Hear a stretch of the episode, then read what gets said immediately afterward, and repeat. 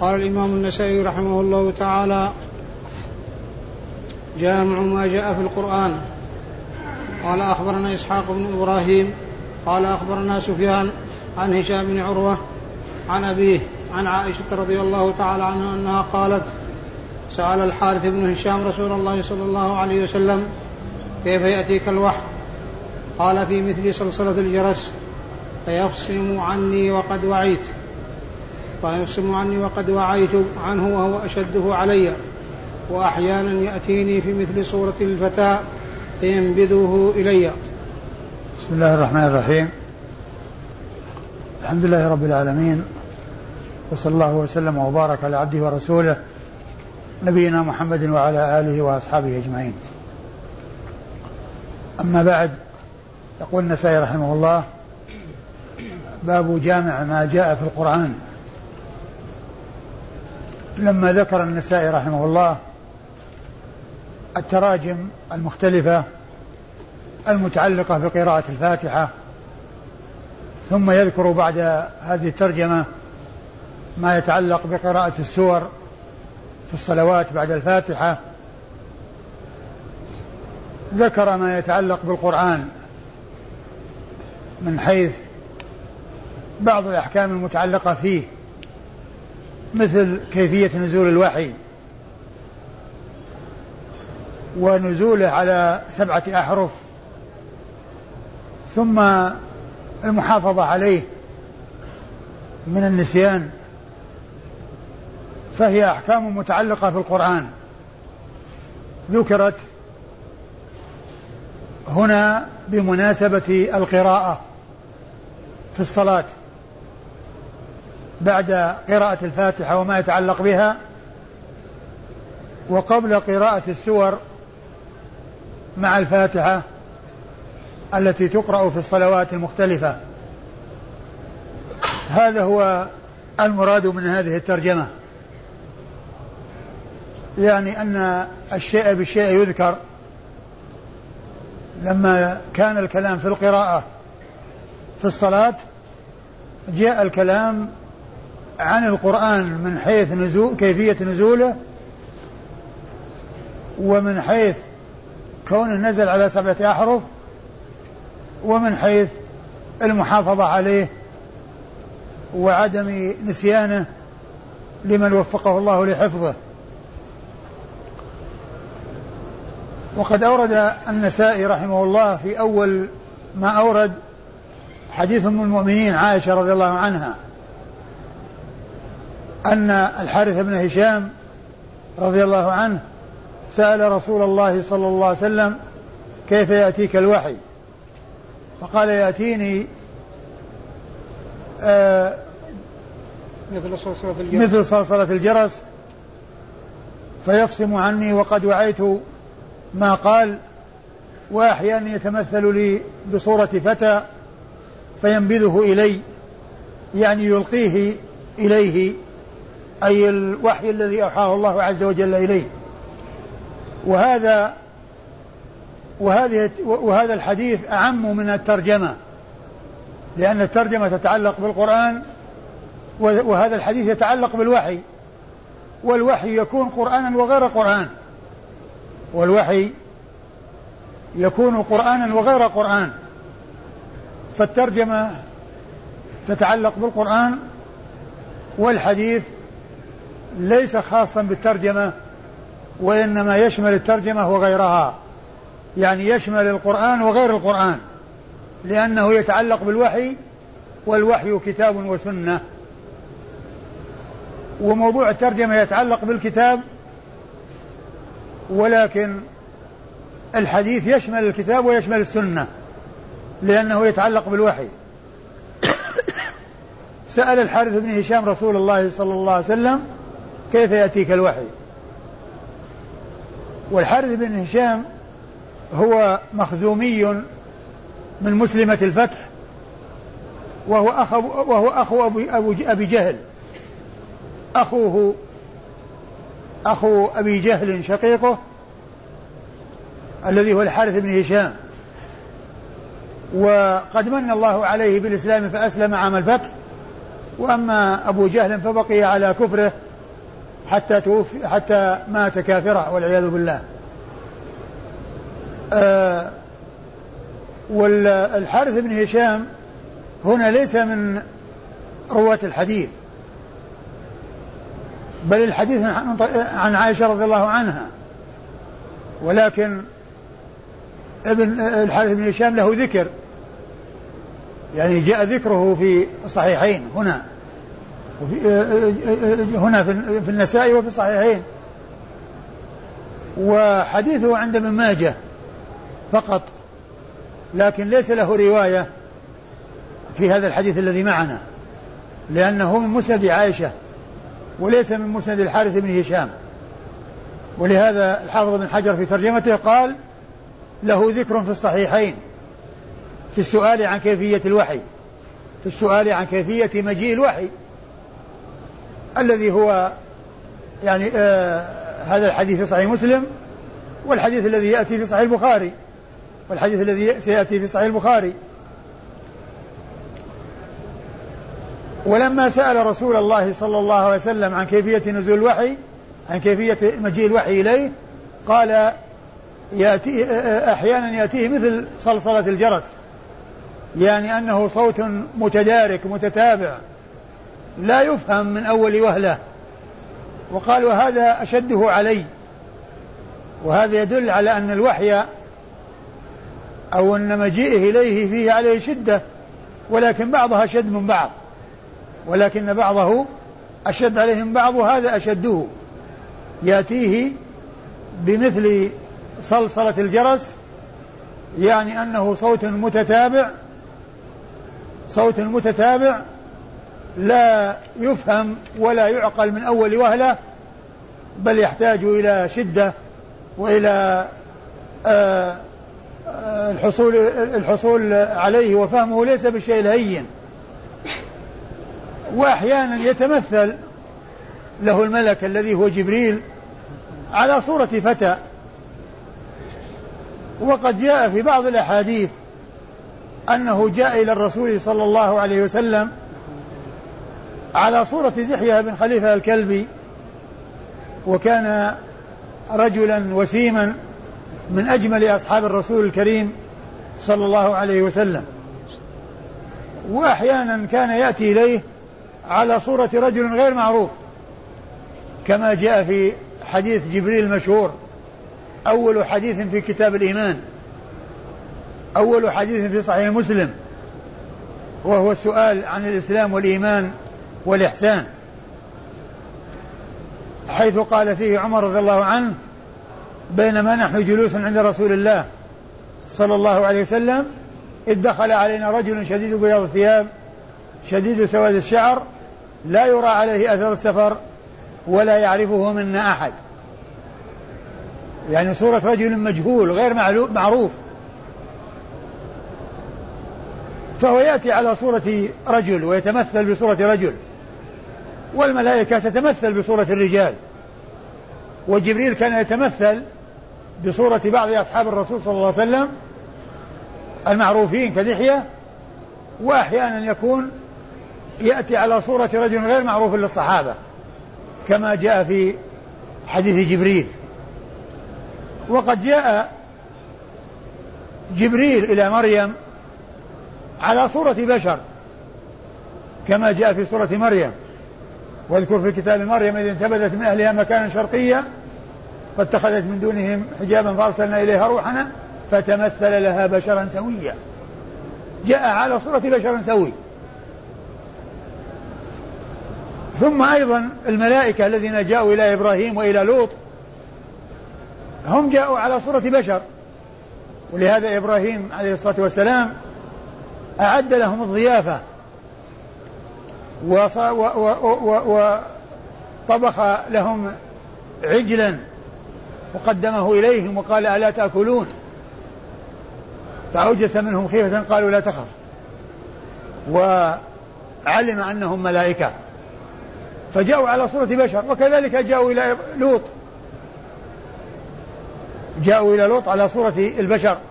فالملائكة يتمثلون على صور البشر ويأتون على صور البشر. والحديث الذي معنا فيه أنه يأتيه على صورة فتى فينبذه إليه يعني يلقي الوحي عليه يلقي الوحي عليه. إذا الحديث اشتمل على بيان صورتين من صور مجيء الوحي إلى رسول الله عليه الصلاة والسلام. إحداها أنه يأتي مثل صلصلة الجرس يعني أنه صوت متتابع متدارك لا يفهم لأول وهلة. والثاني أنه يأتي على صورة رجل ويلقي عليه القرآن. يلقي عليه القرآن ويلقي يلقي عليه الوحي. يلقي عليه الوحي فيأخذه منه وهو على صورة رجل على صورة بشر. وللوحي صفات أخرى يأتي بها الوحي مثل كونه يسمع عنده دوي كدوي النحل وكونه ينفذ في روعه وكونه يأتيه في المنام ورؤيا الأنبياء وحي وحق وهي وحي ما يحصل لهم في المنام فهو وحي الرسل والأنبياء عليهم الصلاة والسلام. والحديث اشتمل على ذكر هاتين الصورتين أو الحالتين من حالات مجيء الوحي إلى رسول الله صلى الله عليه وسلم. ثم مما يذكر عند هذا الحديث أن الوحي محمود بل إن الوحي به حياة القلوب والجرس مذموم. وقد جاء ذمه وأن الملائكة لا تتبع الرفقة الذين معهم جرس والدواب التي علقت عليها الأجراس وهو مذموم. وهنا جاء تشبيه ذلك الشيء المحمود بذلك الشيء المذموم. فكيف يكون التشبيه لما هو محمود بما هو مذموم؟ وقد أجيب عن هذا بأن التشبيه لا يكون من جميع الوجوه وإنما يكون من بعض الوجوه التي فيها التتابع وهو تتابع الصوت والتدارك وهو شيء معهود عند الناس فمثل لهم بشيء يعهدونه. ومحل الشاهد أو المقصود من التمثيل هو التتابع الذي يكون في الصوت يعني صوت متدارك متتابع لا يفهم آه، منه الشيء من أول وهلة. قالوا هذا في الجواب عن هذا الاستشكال الذي هو تشبيه ما هو محمود بما هو مذموم. أما إسناد الحديث فيقول النسائي أخبرنا إسحاق بن إبراهيم. إسحاق أخبرنا إسحاق بن إبراهيم. وهو ابن مخلد ابن مخلد ابن راهوية الحنظلي المحدث الفقيه الذي وصف بأنه أمير المؤمنين في الحديث هو أحد الأفراد القلائل الذين ظفروا بهذا اللقب وبهذا الوصف وهو أنه أمير المؤمنين في الحديث. وحديثه أخرجه أصحاب الكتب الستة. حديثه أخرجه أصحاب الكتب الكتب الستة إلا ابن ماجه. أخرجه أصحاب الكتب الستة إلا ابن ماجه فإنه لم يخرج له شيئا. وكلمة راهوية وما شابهها هذه من الألفاظ التي ختمت بالواو والياء والهاء والمحدثون ينطقون بها بالواو الساكنة بعدها ياء مفتوحة وآخرها هاء واو ساكنة مضموم ما قبلها. وأما أهل اللغة فينطقونها مفتوحة الواو والياء ساكنة وهي المختومة بويه. مختومة بويه.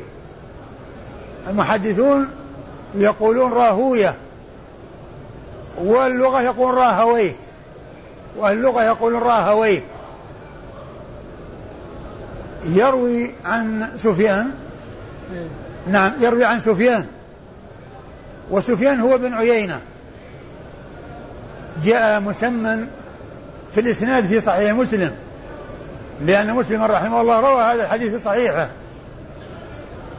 وفيه تسمية سفيان بن عيينة بأنه بن عيينة وتعيينه. وقد عرفنا أن الاسم المهمل الذي لم ينسب والذي هو يشترك مع غيره طريقة تمييز المهمل أن ينظر في الأسانيد الأخرى للحديث نفسه فقد يكون في بعض الأسانيد تسمية أو نسبة ذلك الرجل المهمل. كما هنا فإنه نسب في الإسناد في صحيح مسلم. نفس الحديث الإسناد والحديث جاء في صحيح مسلم وفيه تسميته بأنه ابن عيينة. ابن عيينة. تسمية ابن عيينة يروي عن هشام بن عروة وأن سفيان هو ابن عيينة. وهذه من الطرق التي يميز بها المهمل. ومن الطرق التي ذكرتها فيما مضى معرفة الشيوخ والتلاميذ. وإذا كان آه الشيوخ فيهم من يسمى سفيان أو التلاميذ فيهم يسمى سفيان ينظر لمن يكون لأحدهما به اختصاص من كونه مكثرا من الرواية عنه وملازما له وكونه من أهل بلده وما إلى ذلك من الأمور التي يكون بها تمييز المهمل.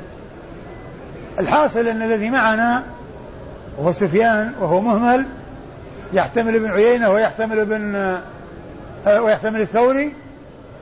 جاء الإسناد في صحيح مسلم معينا أنه الثوري أنه ابن عيينة. وعلى هذا فقد ميز ذلك المهمل بأنه ابن عيينة وليس الثوري. وسفيان بن عيينة ثقة حجة آآ آه، آآ آه، خرج حديثه أصحاب الكتب الستة. عن هشام بن عروة ابن الزبير بن العوام وهو ثقة فقيه ربما دلس وحديثه أخرجه أصحاب الكتب الستة. يروي عن أبيه عروة بن الزبير ابن العوام وهو من فقهاء التابعين بل هو أحد الفقهاء السبعة في المدينة المشهورين في عصر التابعين وعروة بن الزبير منهم. وحديثه أخرجه أصحاب الكتب الستة.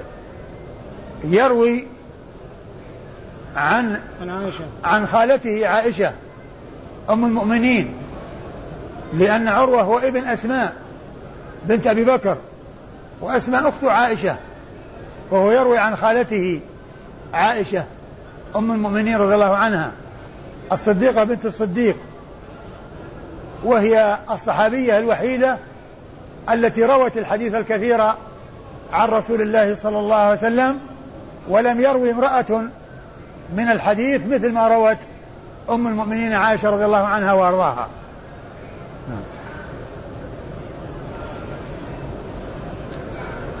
قال أخبرنا محمد بن سلمة والحارث بن مسكين قراءة عليه وأنا أسمع واللفظ له عن القاسم أنه قال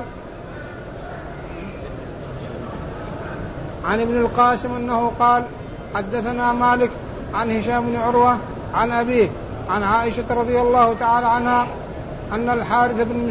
أن الحارث بن هشام سأل رسول الله صلى الله عليه وسلم كيف يأتيك الوحي فقال رسول الله صلى الله عليه وسلم أحيانا يأتيني مثل صلصلة الجرس وهو أشده علي فيفصم عني وقد وعيت ما قال وقد وعيت ما قال وأحيانا يتمثل لي الملك رجلا فيكلمني فأعي ما يقول. قالت عائشة ولقد رأيته ينزل عليه ولقد رأيته ينزل عليه في اليوم الشديد البرد فيفصم عنه وإن جبينه ليتفصد عرقا. ثم ورد النسائي حديث عائشة رضي الله عنها من طريق أخرى وهو بمعنى الحديث الذي قبله أنه أحيانا والسائل هو نفس السائل الحارث بن هشام. كيف يأتيك الوحي؟ قال أحيانا يأتيني مثل صلصلة الجرس. فيصف عني وقد وعيت ما قال. يفصم يعني ينتهي وينقطع وقد وعى يعني بعد ما ينتهي من الوحي يكون قد وعى ما قال. وأحيانا يأتي على صورة رجل فيكلمه فيعي ما يقول. فيكلمه فيعي ما يقول. فهو مثل الذي قبله تماما. وهو دال ويدل الحديث على أن السائل إذا سئل عن شيء يحتمل التفصيل فإنه يجيب بالتفصيل. إذا سئل عن شيء محتمل للتفصيل فإنه يجيب به. لأن النبي عليه الصلاة والسلام لما سئل عن كيفية نزول الوحي والكيفية لها صور متعددة ولها تفصيل. ذكر أهم هذه الصور التي هي حالة كونه كصلصلة الجرس وكونه يأتيه على صورة بشر وكونه يأتيه على صورة بشر. وقالت عائشة رضي الله عنها ولقد رأيته في اليوم الشديد البرد وإن جبينه لا يتفصد عرقا. يعني أنه يلاقي شدة. ففي اليوم الشاتي الشديد البرودة يحصل له العرق الذي عادة إنما يأتي في الصيف وفي وقت شدة الحر فهو يأتيه في وقت شدة البرد. وذلك لما يعانيه من المشقة ومن عند نزول الوحي. فكان في اليوم الشاتي الشديد البرد يتفصد جبينه عرقا يعني يصب العرق منه كما يصب الدم من الشخص الذي فصد. فيخرج الدم من عرقه بغزارة وبكثرة فكذلك العرق يتصبب منه بغزارة وبكثرة وذلك لما يلاقيه من الشدة عند نزول الوحي عليه صلوات الله وسلامه وبركاته عليه.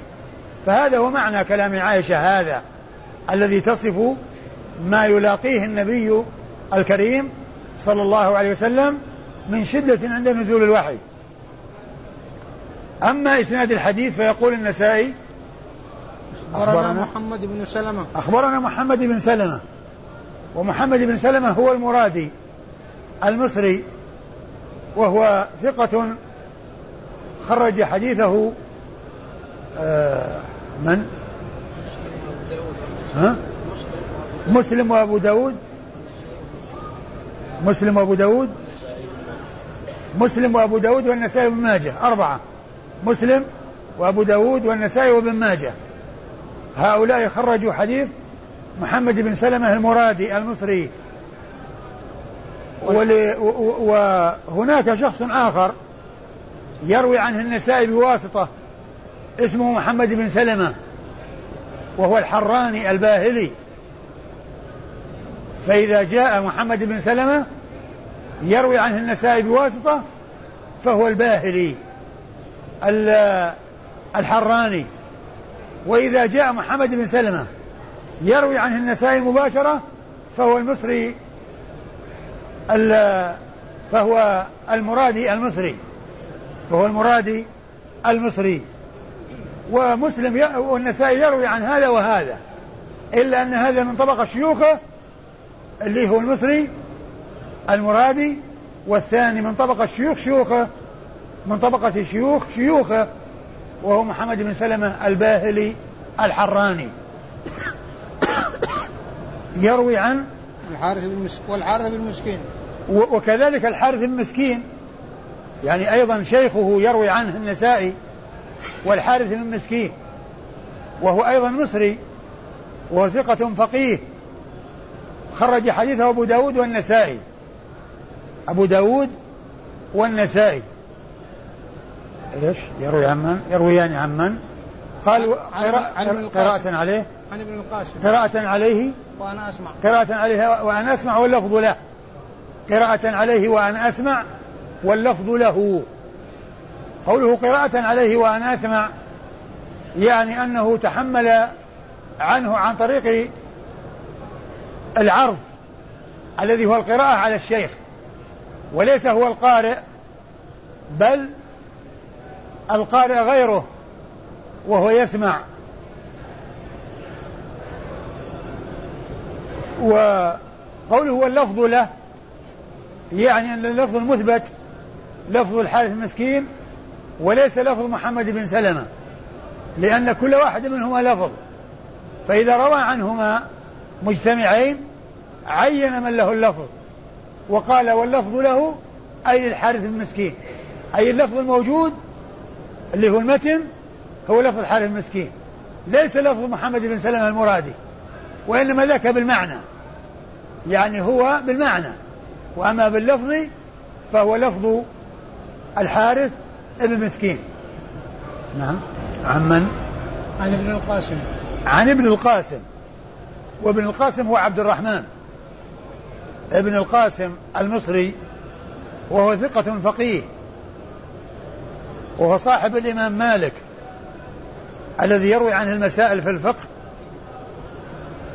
ويروي عنه في الحديث كما هنا وهو وهو ثقة فقيه خرج حديثه البخاري وأبو داود في المراسيل والنسائي. البخاري وأبو داود في المراسيل والنسائي. أيوة. قال حدثنا مالك. قال حدثنا مالك ابن أنس إمام دار الهجرة المحدث الفقيه الإمام المشهور أحد أصحاب المذاهب الأربعة من مذاهب أهل السنة وحديثه أخرجه أصحاب الكتب الستة. عن هشام بن عروة.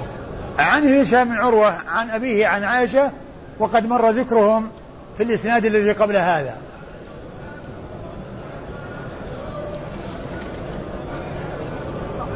أخبرنا قتيبة. قال حدثنا أبو عوانة عن موسى بن أبي عائشة عن سعيد بن جبير عن ابن عباس رضي الله تعالى عنه في قوله عز وجل لا تحرك به لسانك لتعجل به إن علينا جمعه وقرآنه.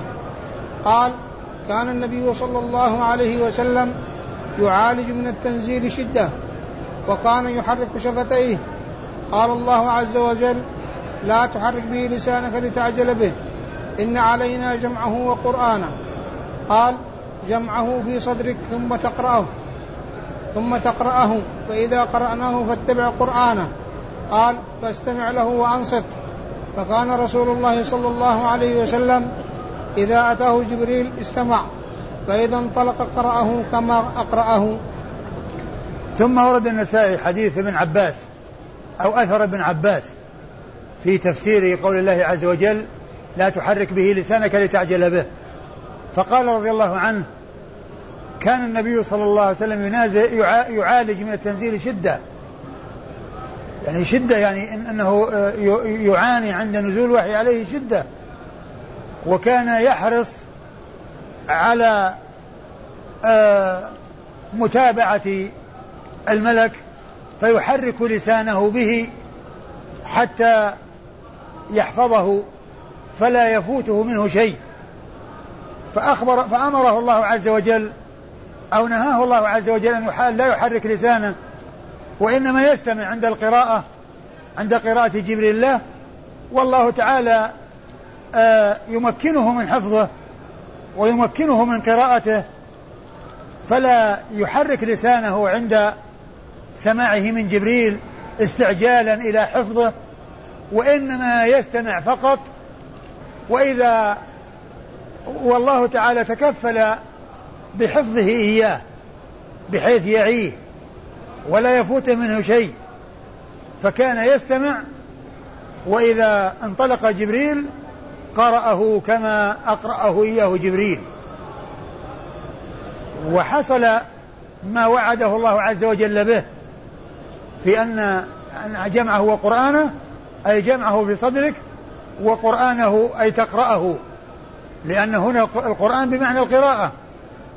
يعني فإن إن على جمعه وقرآنه يعني قراءته بمعنى أنه تقرأه على الناس. قراءتك إياه على الناس. فتتمكن من ذلك وتحفظه وتقرأه على الناس. آه، إيش يقول؟ آه، كان ما يعالج. وكان يحرك كان, كان النبي صلى الله عليه وسلم يعالج من التنزيل شدة. يعني يعاني شدة يحصل له عناء ومشقة من نزول الوحي عليه.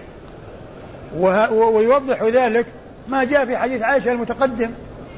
كان في اليوم الشديد البرد يتفصد جبينه عرقا.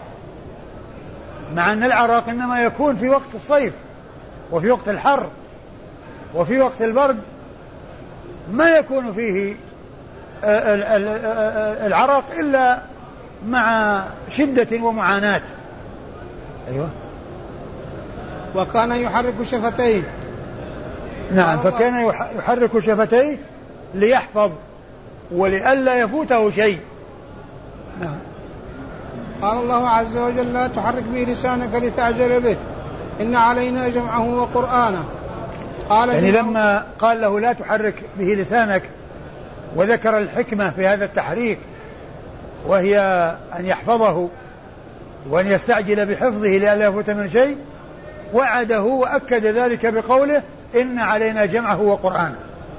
يعني إن علينا جمعه في صدرك وقراءتك إياه على الناس. قرآنه يعني قراءته.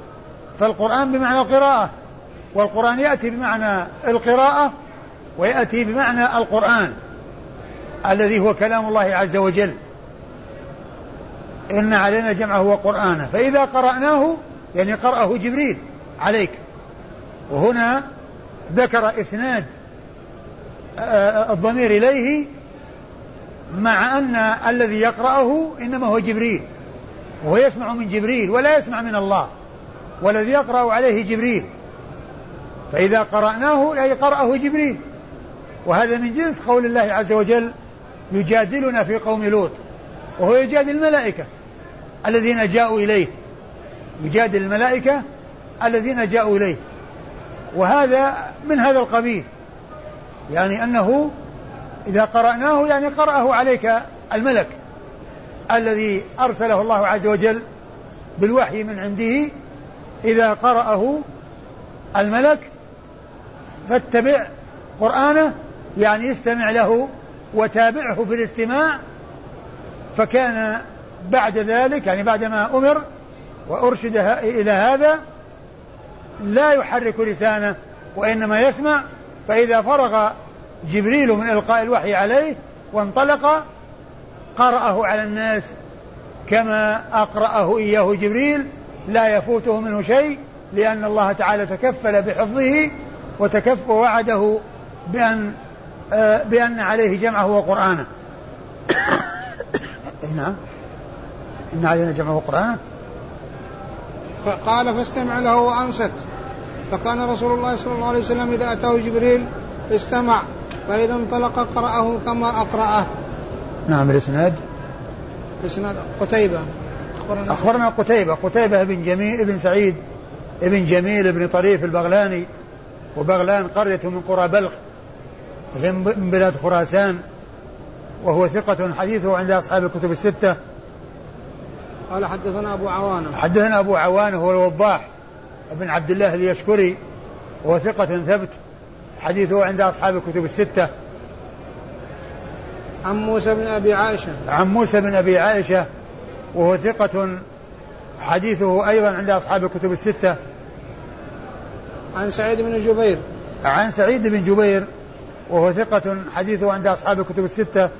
عن ابن عباس وهو عبد الله بن عباس ابن عم رسول الله صلى الله عليه وسلم وأحد العبادلة الأربعة في الصحابة وأحد السبعة المعروفين بكثرة الحديث عن رسول الله صلى الله عليه وسلم. ورضي الله تعالى عنه وعن الصحابة أجمعين. و والله تعالى أعلم وصلى الله وسلم وبارك على عبده ورسول نبينا محمد وعلى آله وأصحابه أجمعين.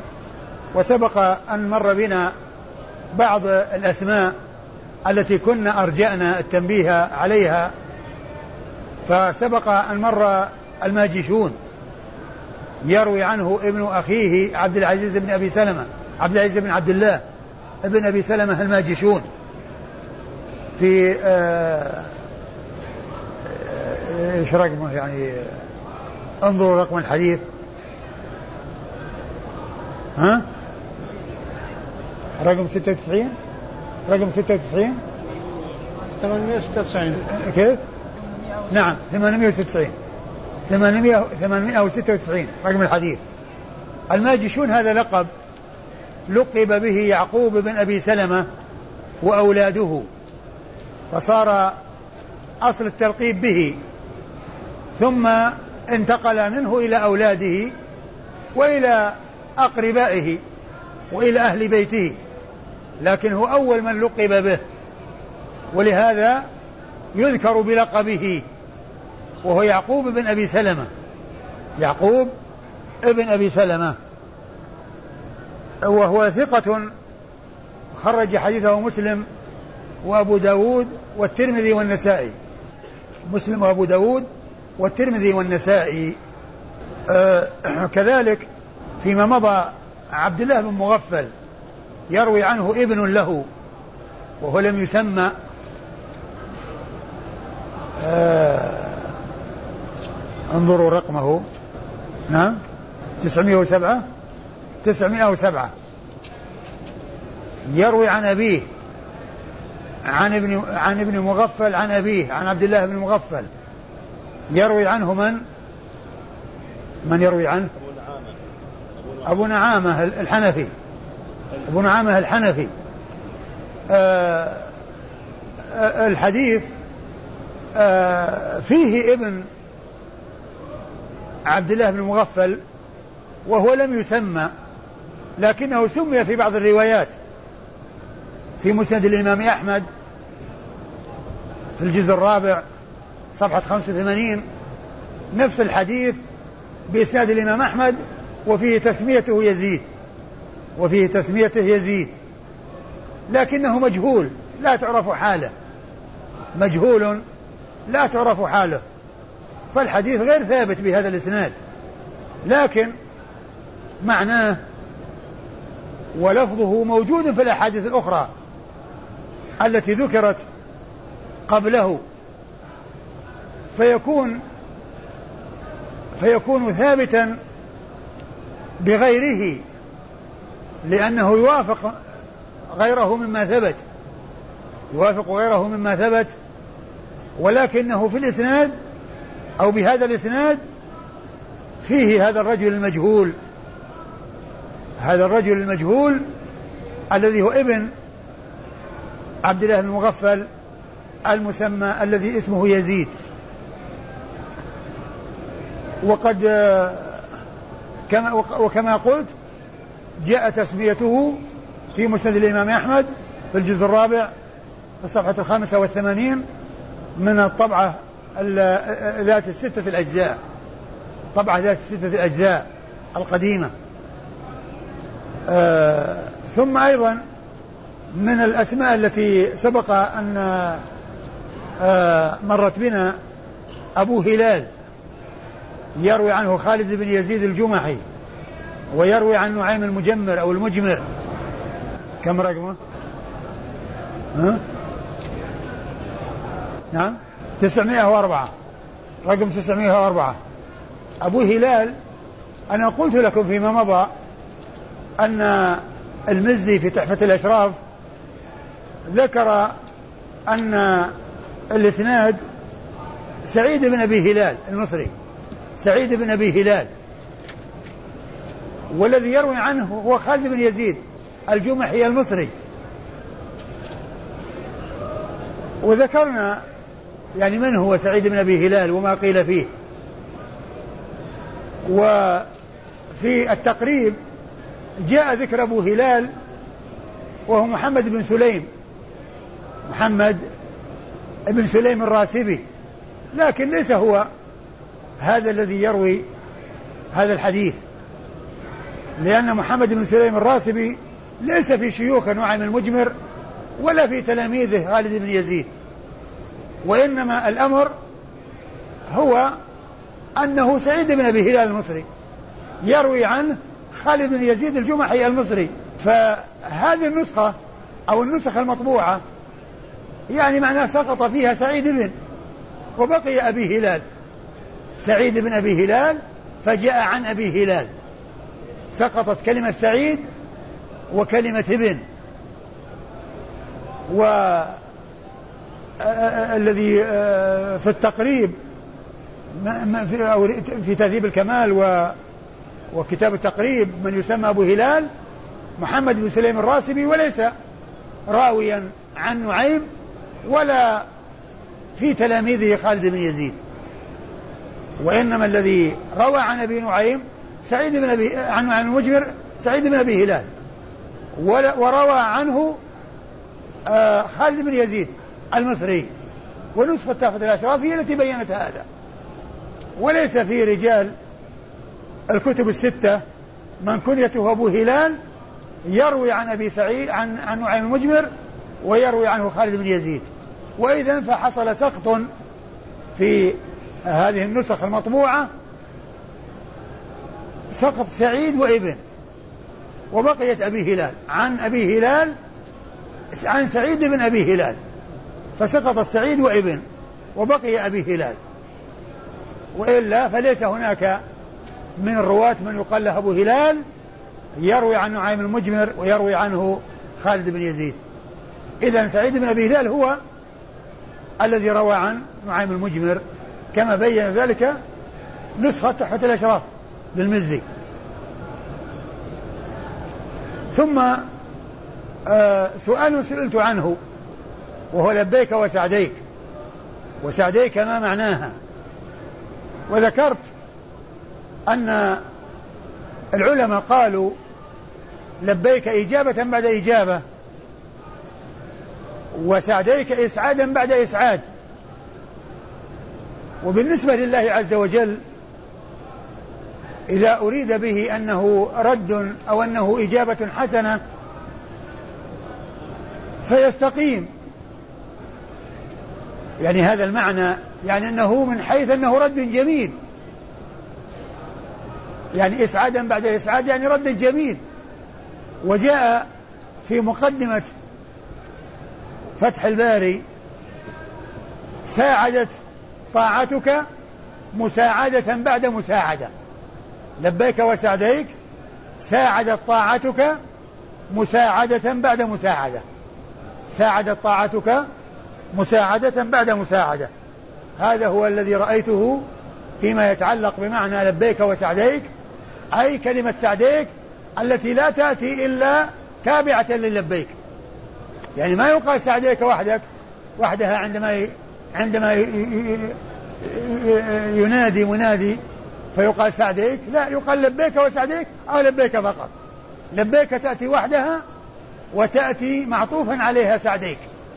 لكن كون سعديك تأتي وحدها هكذا بدون أن تسبقها لبيك لا. وإنما تأتي معطوفة على سعديك على لبيك. هذه أمور أو أشياء كانت آه، يعني مرجئة وننبه عليها الآن.